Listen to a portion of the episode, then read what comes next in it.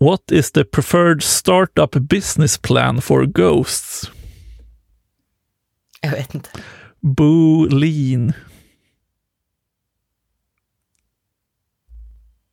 Eh, Finns det? Är det en grej? Alltså, eh, skämtet kommer från vår lyssnare Svante.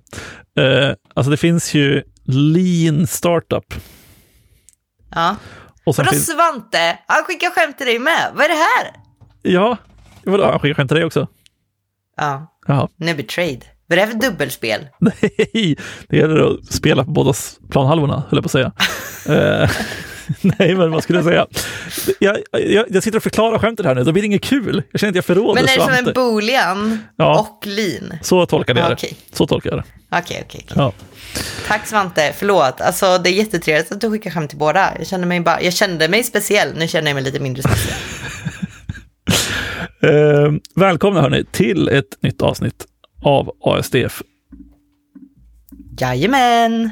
Där, eh, Nu är det ju så här, fjärde väggen. Men vi spelar in i förväg. det, det, ja, det gör vi, men det tror jag folk förstår. Man behöver lite sommarledigt. Ja, ja, men nu är det liksom sommar i förväg. Så, men jag tänkte ju fundera på ett ämne som kanske, tänk om det här bara har, tänk om det bara gått åt helvete det här när det här på riktigt ska sändas liksom. Det vet inte jag. Men eh, då brasklappar vi lite om det. Men jag funderar lite på att, ja men liksom jobbmarknaden och vara konsult och hur känns det och hur ligger vi till och är det dags att börja svettas liksom? Ja, det har ju eh, varit, alltså nu har det väl varit sommar, det har säkert inte hänt ett skit. Eh, men, men liksom hela hösten 2022, våren 2023 kanske framför allt, har ju varit eh, ganska tuff. Alltså jag tror att det finns, eller egentligen finns det två delar av det här. Det ena är de här megabolagen. Du har Facebook, du har Google och du har liksom alla de här eh, Mm. inte Apple kanske, jag vet inte, men som har liksom har kapat massor av huvuden.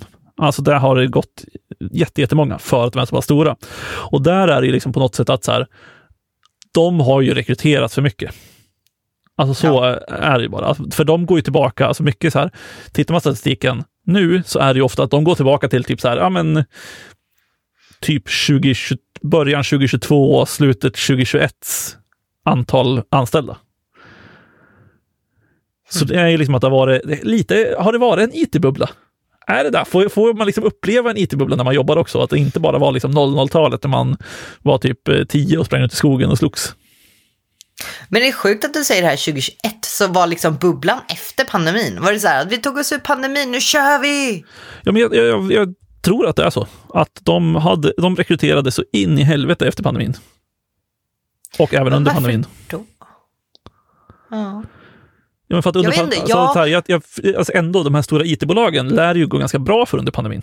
Alltså så här, det, är inte, det var inte de som drabbas hårt. Då var det liksom restaurangnäringen och kulturlivet och liksom allting runt omkring det.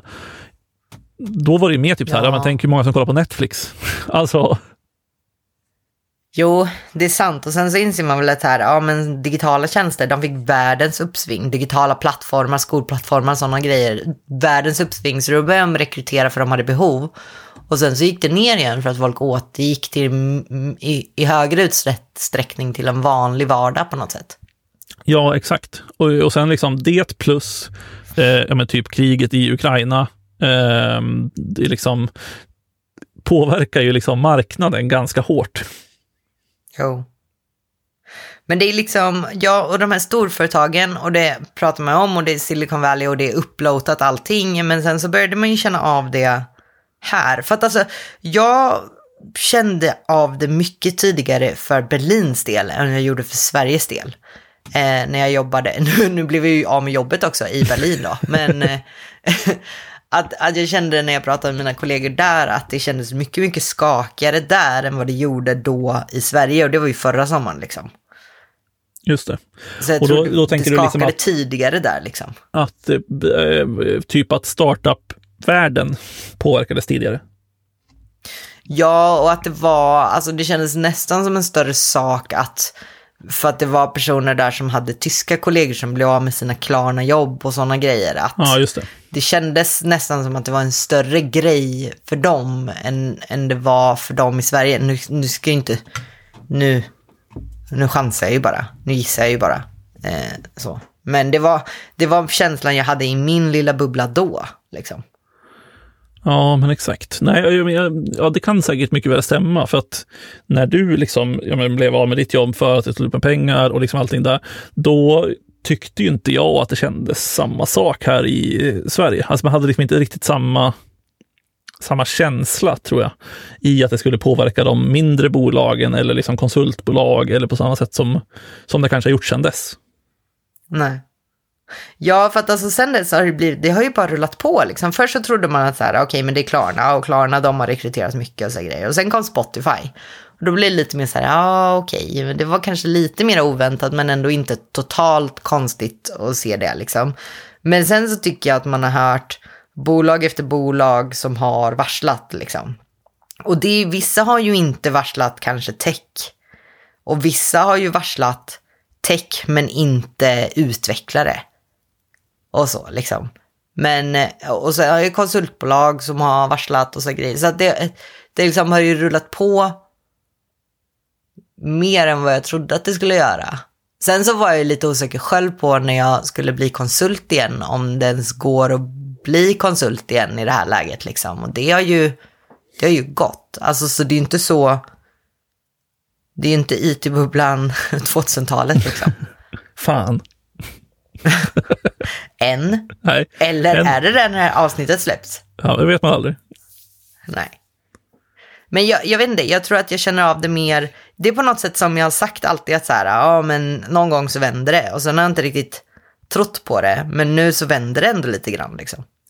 Ja, exakt. För att det är verkligen, alltså, som du säger, alltså, de, den, den världen eh, jag lever i är väldigt mycket konsultvärlden. Alltså så här, jag har mycket kompisar som jobbar som konsulter, mycket liksom gamla kollegor som man känner som jobbar som konsult och så vidare. Och det har ju verkligen eh, känts av. Och jag tror att det, det är, alltså som konsulter är det en ganska naturlig konsekvens av att så här, andra bolag går sämre. Då har inte de råd att ta in konsulter på samma sätt som de gjort tidigare. Eh, det påverkar ju framför allt kanske folk som är mindre erfarna än vad du och jag är. I att mm. så här, ja, men om du ska ta in en konsult, då kommer du kanske säkerställa mer och mer att du får så mycket bang for the buck som möjligt, så att säga. Eh, och att du kanske inte liksom tar in folk för upplärning eller som behöver lite upplärning på samma sätt som man gjorde tidigare. Ja. Nej, alltså, jag vet, jag, jag, får, jag får ju lite så här äh, skräck för bootcamps-businessen. Ja, jo absolut. Eller jag tänker i mitt huvud att det måste vara jätterufft att komma, alltså då har man kommit så här, kanske betalat pengar för en utbildning och så har det varit mycket så här, jo men jobb kommer du få och sen plötsligt så har de försvunnit lite grann liksom. Ja, exakt. Det där tror jag också är väldigt svårt, för att då är det också ofta att man gör verkligen en satsning på att så här, ja, men jag säger upp mig från mitt nuvarande jobb, eller tar tjänstledigt kan man i och för sig kanske göra. Men att man liksom verkligen Ja. satsar på att så här, nu ska jag byta karriär. Eh, Ja. och att det måste vara jävligt eh, läskigt eller omskakande när man märker att, så här, men både att folk blir av med jobbet som har typ mer erfarenhet än vad jag kommer ha när jag är klar och att liksom folk eh, inte får jobb. Ja. Ja, alltså. Ja, fan, alltså det, det rör lite på sig. Alltså inte, inte så mycket. Alltså jag tycker inte att det känns ju inte som att jag ute och flyter på en gammal dörr när Titanic har sjunkit, höll jag på att säga. Vilket inte alls är passande med tanke på de senaste nyheterna. Men eh, det, känns inte som att jag är ute i fara än så länge, men jag kan inte säga att det inte kommer bli det snart. Alltså jag kan inte ens säga om det kommer vara fara i höst, typ. Nej, jag, jag tycker också det är ganska osäker marknad nu, men samtidigt så vet jag vet och vet, men jag tror ändå att det är liksom det kommer alltid finnas ett behov för utvecklare. Och folk kommer inte lyckas rekrytera tillräckligt många som de själva vill ha, för att det är jävligt svårt att rekrytera utvecklare, även om marknaden blir bättre för arbetsgivaren eller arbetssäljaren som jag ändå försöker, borde försöka få in lite mer. Ja. Eh, jämfört med själva utvecklarna så tror jag att för vår del så tror jag att vi sitter ganska säkert för att det kommer alltid gå att hitta uppdrag. Sen kanske inte det är samma marknad som tidigare i att man nästan kunde välja vilket uppdrag man ville ha. I att så här, ja men du har de här tre, fyra olika uppdragen som är på G nu. Du kan välja vilket du vill gå till. Nej, det är sant. Men jag tycker det är sjukt också hur mycket konsultbolag det finns. Ja, ja absolut. Och, och då blir jag också så här, nej men jag fattar den grejen, men också, men hur många konsulter kan marknaden ta? Nej, någonstans finns det ju ett stopp. Alltså så är det ju verkligen. Och där handlar det väldigt mycket om så här, alltså tittar man på de stora konsultbolagen, då även hos dem så påverkar det här. Alltså man kan ju tänka sig att de stora bolagen är så här, men de har ju sina kontakter och bla bla.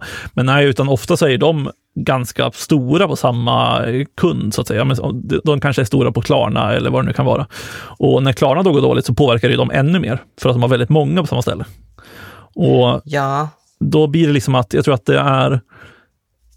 Jag tror ju att det kommer bli att fler och fler blir anställda och jag tror att det kommer vara lite lättare ett tag att rekrytera konsulter också för att så här, man kanske känner en liten oro att så här, men hur går det egentligen för marknaden? Borde jag kanske ta en anställning istället för att vara konsult där jag helt plötsligt kan sitta utan uppdrag? Och jo. Jag tror också att det kanske påverkar lite grann vilka konsultbolag som det faktiskt jobbar folk på. Alltså, många konsultbolag har ju liksom provisionsbaserad lön. Och då är det ju inte samma trygghet. Alltså då är det en risk man har tagit. Du har förmodligen haft högre lön. Men när marknaden går ner så blir ju risken högre att du får väldigt mycket lägre lön istället. Ja, om du inte ens är supernischad som alltid kommer behövas. Ja, det är de med, som tjänar multum på Sitter med COBOL eller något sånt kul. Ja, provisionsbaserad. F-sharp har jag hört. Ja, det är en grej. säkert hett. Men eh, ja, nej jag vet inte. Är, men jag, jag, jag är fortfarande lite chockad över hur många konsultbolag som finns, alltså när jag sökte jobb. Mm. Herregud. Också att det är många konsultbolag som hör av sig och vill rekrytera en när de vet att man har varit, för, varit konsult. För då vet de att man har sån koll på vad det innebär. Liksom. Ja. Och man vet väldigt tydligt om man vill vara det eller inte vara det. Liksom. Det, blir inga, det blir inga så överraskningar kontra en person som kommer från ett produktbolag kanske. Eh, men det var, det var så många och det är så här, ja, vi har den här modellen och vi har den här modellen och vi, vi träffas aldrig men vi är ändå ett konsultbolag. Och vi, alltså det tar liksom inte slut. Och jag är så här, men herregud, vart tar alla vägen? Nej, för hur, hur, ehm, liksom det, det, känns som att jag har inte sökt nytt jobb på väldigt länge nu. Men det måste vara extremt svårt att gå till ett konsultbolag idag och säga att så här, ja, men jag har valt det här på grund av det här, eller de har den här saken som gör det, när det finns väldigt många och alla känns väldigt, väldigt lika nu för tiden. Ja, för förut var det, jag kommer ihåg mitt första konsultbolag, då var det ju mycket mer en USP att du fått säga nej till ett uppdrag som du inte vill ha. Mm. Och då var det mer att det var en grej liksom. Ja. Men det har jag svårt att se. Alltså jag tror kanske de är jättestora när du är helt ny och de har så här ramavtalsgrejer. Ja, då kanske du inte riktigt kan säga nej på samma sätt. Men annars tror jag att du måste typ ha det för annars kommer ingen börja hos dig. Liksom. Nej, exakt. Men ja, nej. Vad pratade vi om? vi pratade om skillnader på konsultbolag. Ja, men du sa att det var någonting, du hade inte sökt jobb på länge så du vet inte om det är någon skillnad. Nej, jag vet inte, det är nog inte så stor skillnad. Alltså jag valde ju nu, eh, mycket baserat på eh, en bra känsla, storlek på det och att jag kände personer på det tidigare liksom. Ja, men det är också, jag tycker det där är, det där är intressant för att eh, för det första så reagerar jag på att det här är, är det, vi har inte pratat om det här förut, men det här är ju slutet på din startupresa. Nu, nu har du börjat på konsultbolag. Eh, men eh, det jag skulle säga var att jag tycker det är intressant för att jag tror ju att nu för tiden så väger rekommendationer, eller typ inte rekommendationer i att någon rekommenderar dig, utan snarare att en person rekommenderar ett bolag, väldigt, väldigt tungt. Ja, det tror jag. Det tror jag absolut. För att det är också, om man får en ärlig bild av det. Alltså, det, det är väl så som när jag rekommenderar bolag, jag brukar inte säga så här, ah, allt är toppen, utan jag ger en ganska ärlig bild av vad jag upplever som är så här, ja ah, men det här upplever jag är viktigt för mig och de här delarna finns, de här delarna finns inte, men de är till exempel inte viktiga för mig. Så att det är på en individnivå vad som passar. Det konsultbolaget som passar mig kanske inte alls passar dig. Nej, och det, det tycker jag fan är en ganska viktig eh, poäng. Att det är ju omöjligt att hitta eller att bygga ett bolag som passar alla. Ja. För det är, liksom, det är helt omöjligt att så här, ja, men vi fokuserar på den här grejen, vi tycker det här är viktigast. Ja, men det kommer inte passa alla. Så man måste liksom vara väldigt beredd på att så här, ja, men bara för att min kompis jobbar där så betyder inte det att jag också ska göra det. Utan då tror jag det är ganska viktigt att man är ärlig som du säger. För att alltså, så här, jag, jag, jag förstår inte folk eller visst, bekant, nej jag, jag, vet inte. Jag förstår faktiskt inte folk som har liksom rekryteringsbonusar och så tänker man att ja, men då försöker jag få in så många som möjligt för att ge mig pengar. Det är ju liksom en, jag vet inte, att man bara liksom pratar upp bolaget istället för att prata om de ärliga sidorna med olika saker.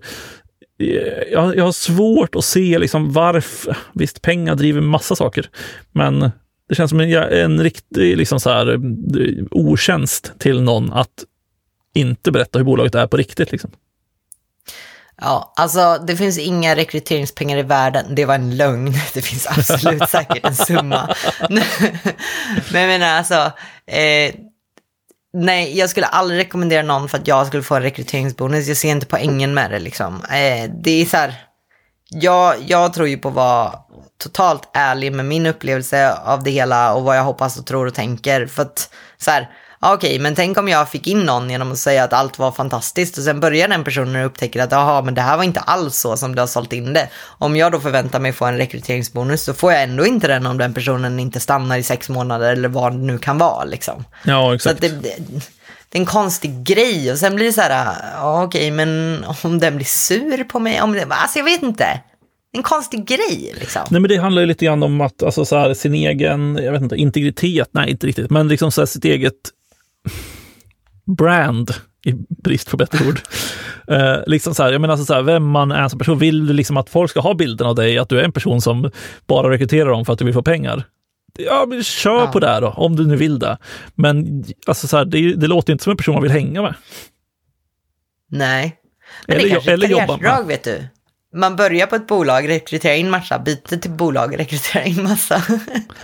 ja, jag har, ju, jag har ju två, inte bekanta med gamla kollegor som jag tror har bytt jobb tillsammans kanske sju gånger. Där liksom den ena byter först och sen byter den andra. Gissa på att det är någon liten rekryteringsbonusupplägg där. Men är det alltid samma som byter först? Så är det alltid bara en person som får bonusen? Alltid samma som byter först. Men man vet ju inte, de kanske, det kanske går hälften under bordet sen. ja, det, det hade varit spännande. Men jag menar, alltså, det är ju lite spännande också, för att jag menar, hur mycket man än kanske gillar att jobba med någon så kanske man inte byter jobb tillsammans med någon för att är man samma person då? Har man exakt samma tankar och känslor kring jobb och så grejer? Det är en spännande grej. Ja. För det, är också, det kan ju också vara mycket beroende på vart du befinner dig i livet.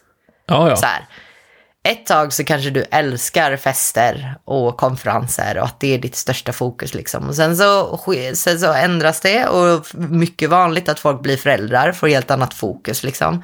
Andra prioriteringar på jobbet och då vill de ha helt andra förutsättningar och så vidare och så vidare för livet rullar på liksom. Ja, nej, jag, jag, jag, jag tycker också. Sen visst att det kanske väger högt att jobba med en person som man vet att man vill jobba med. Alltså att så här, ja men vi har ju typ aldrig jobbat tillsammans, men om vi tar det som exempel, att så här, du skulle jobba på något ställe och sen börjar jag också jobba där och sen byter du jobb, då skulle jag kanske också överväga så här att, ja men vad fan om inte jag trivs 100 procent, vart gick Therese? Jo, men henne älskar jag att jobba med, så då kanske jag också går dit. Eh, och så här, i det fallet, då är det dumt om du, någon inte skulle få rekryteringsbonus, om det fanns. Jo, absolut, men det är ändå så, det hade ju aldrig varit mitt, om vi inte snackar en helt obscen summa, vilket vi aldrig gör. eh, så hade det aldrig varit in incitament för mig att få in någon. Alltså det skulle ju vara för att jag vill få in den personen för att jag tycker det är nice liksom. Jag är också så här när det gäller liksom att, eh, att rekrytera eller tipsa om folk, eller liksom så här att jag vill ju bara tipsa om folk jag vill jobba med. Ja. Alltså jag vill ju inte ha in folk på bolag som jag inte vill jobba med. Alltså visst att det kanske kommer en gräns när, beroende på hur stort bolaget är, för ibland man behöver inte interagera med alla. Men liksom, det är ju ändå liksom så här att jag sätter min kvalitetsstämpel på den här personen och jag vill jobba med hen. Och det är ganska sällan det finns sådana personer. Gud vad jag låter hård mot folk jag jobbat med, men så är det. Jag tycker ändå det finns en hel del. Ja, men alltså det finns folk som man tänker så här, det här skulle jag kunna jobba med. Men ganska sällan som jag känner att så här, men vill jag verkligen ha dem på mitt bolag? Ja, alltså jag tycker det beror på lite också. Jag tycker det är lättare att rekommendera folk som konsulter. Alltså Ja. till ett konsultbolag. Absolut. Eh, för att då är det inte så här tight day to day. Alltså jag, jag är ju mycket lättare att så här, jobba med flera olika typer av människor när vi är konsulter på samma bolag men inte sitter tillsammans dag till dag. Och sen så blir det svårare tycker jag när man är, när man jobbar tight som kollega. Alltså det är till exempel en del av mig tycker det är ganska läskigt om jag någonsin skulle jobba med dig. Tänk om vi inte alls skulle kunna jobba tillsammans. Vad händer med vår vänskap då liksom? Går det åt helvete? Ja, nej, jag tycker också det där är, eh, det det är ganska läskigt. Alltså särskilt när man liksom så här känner folk väldigt väl och sen ska man helt plötsligt börja jobba tillsammans, för det är ju en helt annan kontext, det är en helt annan grej att jobba tillsammans, där man måste vara lite mer professionell och liksom så här, det kanske hade funkat toppen, men det känns som att det lika gärna skulle kunna gå åt helvete. Ja, precis. Och jag är ju en tok konflikträdd människa. Alltså, jag hade ju bara rymt liksom. Jag hade bara ghostat dig, aldrig mer svarat podden. Och så här, nej. Det blir, det blir ett är eget slut. avsnitt av mig när jag säger, nej men Therese har, Therese, hon har rymt. Vi jobbade ihop och nu svarar hon inte längre. Exakt. Nej, jag vet inte. Det är en läskig sak, ja, så tycker jag. Sen är det kul för att till exempel, vi båda jobbar ju bra med vår bekanta. Inte vår bekanta, vår vän. Ja. men, men vad, vad ska jag säga nu? Vi båda jobbar bra med samma person. Men det betyder ju faktiskt inte att vi skulle jobba bra. Nej, det skulle kunna betyda tvärtom, att vi skulle jobba jättedåligt. För att det blir liksom samma roll som krockar, men det funkar skitbra med honom. Exakt. Sen har vi ju, vi vet ju också att vi har lite olika sätt att approacha saker. Ja, det, det kan man säga. Eh, ja, sidospår eh, i alla fall. Men, eh, men eh, ja, V- vad har du för känslor inför hösten då? Jag vet inte, jag tror ju det kommer väl vända. Alltså så här, mycket beror ju på till exempel hur det går med kriget i Ukraina, eh, för att det påverkar så otroligt mycket. Men om man liksom ändå kan hoppas att det tar slut och Ryssland drar, så, så tror jag ändå att det kommer vända lite grann. Det kommer inte vara samma, samma marknad som det har varit innan, för det har varit lite så här upphausat, liksom, vad fan är det, är det tulpan, tulpanmarknad som det var någonstans när folk sålde tulpaner för liksom sinnessjuka mängder pengar. Ursäkta? Ja, här, tulpanmanin. En period under den nederländska stormaktstiden där prisnivåerna för valda lökar av tulpanen nådde extrema nivåer. Ja. Som palettblad eller monsteror. Ja, exakt så. Eh, nej, men alltså, här, jag tror inte att det kommer bli liksom samma hysteri som det varit innan. Jag tror inte det kommer vara liksom att man kan bara tälja guld med, med liksom konsultbolag till exempel. Då. Utan jag tror att det kommer vara tuffare. Det kommer få jobbas hårdare för att man ska hitta uppdrag åt alla. Och liksom allting sånt runt omkring kommer vara tuffare. Ja. Ja. Alltså jag är ju lite kluven, för en del av mig tycker att vi förtjänar det. Ja, alltså det har ju varit, det har varit väldigt lätt hittills. Alltså Ja. så här, om man tittar på min karriär eller liksom mitt arbetsliv, så det har ju väldigt sällan varit svårt. Nej men jag tycker det, alltså inte så här att det har varit för lätt heller, men jag tycker att det har varit för lätt att bete sig som skit också. Jag tycker det har varit alldeles för lätt att behandla människor hur som helst för att man sitter på sin höga trygghet och bara är douchig liksom. Och är så här, ja men du måste ge mig allt vad jag vill ha för att jag förtjänar det. Och man bara, fast vad har du gjort för att förtjäna det liksom? Varför, varför har inte mera samhällsviktiga roller lika hög lön som vi har och så vidare och så vidare. Nu ska jag inte komma in på det här, men det är konflikterande i mig. att jag så här, jag, jag trodde mycket att jag satt bredvid en researcher på mitt första jobb och hon kämpade så mycket med hit, rekrytering och hon fick dagligen så svar som verkar bara nej, det här bolaget suger, du kan gå och dö. Och då är jag lite så här, men varför ska du svara en människa så? Vad, vad är poängen med att göra det? Jag, jag fattar att du inte vill, men du kan säga nej eller inte säga någonting, men varför måste du bete dig? Ja, alltså jag kan ju verkligen eh, hoppas att liksom kanske ribban på, eh, inte de tekniska kunskaperna höjs, utan snarare liksom de mänskliga kunskaperna hos folk. Att folk inte inser att de kan inte bränna massa broar, för det finns inte hur många som helst. Och att folk inser att så här, ja, men saker jag gör faktiskt får konsekvenser. Jämfört ja. med hur det har varit tidigare, när det var mer varit så här, ja, ja, men jag kommer få jobb ändå, vem bryr sig? Jo, men lite så. Eh, och att det faktiskt spelar roll att, att så här, behandla ens kollegor med respekt. Och att, ja, jag vet och jag vet att narrativet den kränkta vita mannen kan bli tråkigt och jag pratar för mycket om feminism och bla bla bla. Men det kanske är viktigt liksom. Det kanske, kanske är skönt om det blir viktigt att så här, ja men ska du ha åsikter så får du hålla dem på din egna kammare och så måste du behandla människor öppet med respekt liksom. Och medmänsklighet. Det hade varit ja. skönt. Nu ja. säger inte jag att bara för att alla har fått jobb hela tiden så har de inte gjort det. Det är inte det jag säger. Jo, alla har fått jobb de inte är förtjänta till. Det är där vi, ah. det är där vi eh, kommer landa i, i liksom slutet på det här avsnittet. Men det är lite som att min lokala mataffär har jättemycket leveransproblem, så allting som jag vill ha, det finns inte bara där. Och då Nej, du... tycker jag också att vi förtjänar det lite grann, för att vi bara så här, sämre, vad heter det, länder med sämre rikedom. Oh, jag vet inte vad jag försöker säga, ni vet. Länder som inte har det lika lätt, de lägger all sin vattenenergi på att serva västerländska länder med typ så här jordgubbar off-season och avokado som ändå blir lite bruna och då vill ingen äta dem och så här. Så det kanske är bra att vi får känna på att allt inte bara finns där när vi vill ha det. Ja, det var någon, eh, någon, jag kommer inte ihåg vem det var som sa det här till mig, men eh, någon eh, äldre som sa, ja det är fan dags att ni får ha det lite tufft också. Uh, och, och liksom inte för att de, de unnar oss, eller inte för att de inte unnar oss att det går bra, utan bara för att de tror att det är uh, nyttigt att känna att så här, ja, men allt är inte liksom guld och gröna skogar hela tiden. Det är inte en dans på rosor. Och jag kommer inte på några fler ordspråk som betyder samma sak. Men, men jag tror att det, jag tror att det kan vara nyttigt. Sen så är det så jävla lätt att sitta och säga det när man har ett jobb. Man tjänar väldigt, väldigt bra pengar. Alltså det är liksom, vi är privilegierade eh, långt upp i halsen. Eh, ja. Så att det, det gör det ganska mycket lättare att säga det jämfört med någon som inte sitter i samma situation.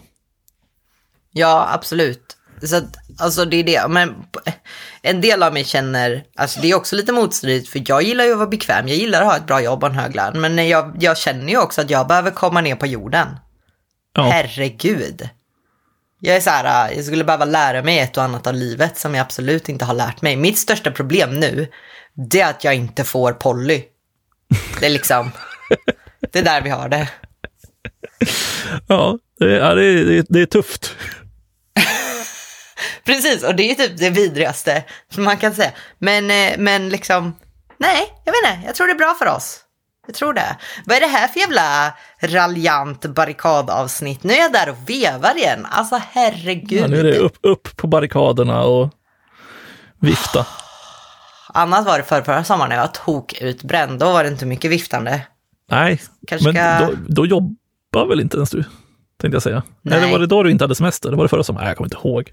Nej, det var förra sommaren jag inte hade semester, men förra, förra sommaren fattade jag ingenting. Ja, det är, det är, jag älskar kontrasterna mellan att du jobbade ingenting den ena sommaren och jobbade för mycket den andra sommaren. Uh, ja, ja. Och nu är jag bara ute och vevar. Exakt. Det är ett tema varje sommar. Åh oh, herregud. Ja, ja. Eh, med eh, det sagt så kanske vi, eh, vi går vidare från temat liksom veva på barrikaderna till att vi återkommer om två veckor igen med något nytt kul ämne. Om ni såg Anton nu skulle ni också se att han är så, herregud, det måste ta slut nu. Ja, det, det är frukt, fruktansvärt varmt. Ja, men vi återkommer efter sommaren. Eller ja, det här är efter sommaren, men live, mer live. Japp, japp. Vi eh, säger så så länge hörni, så hörs vi om två veckor igen. Det gör vi. Hej då! Bye, bye!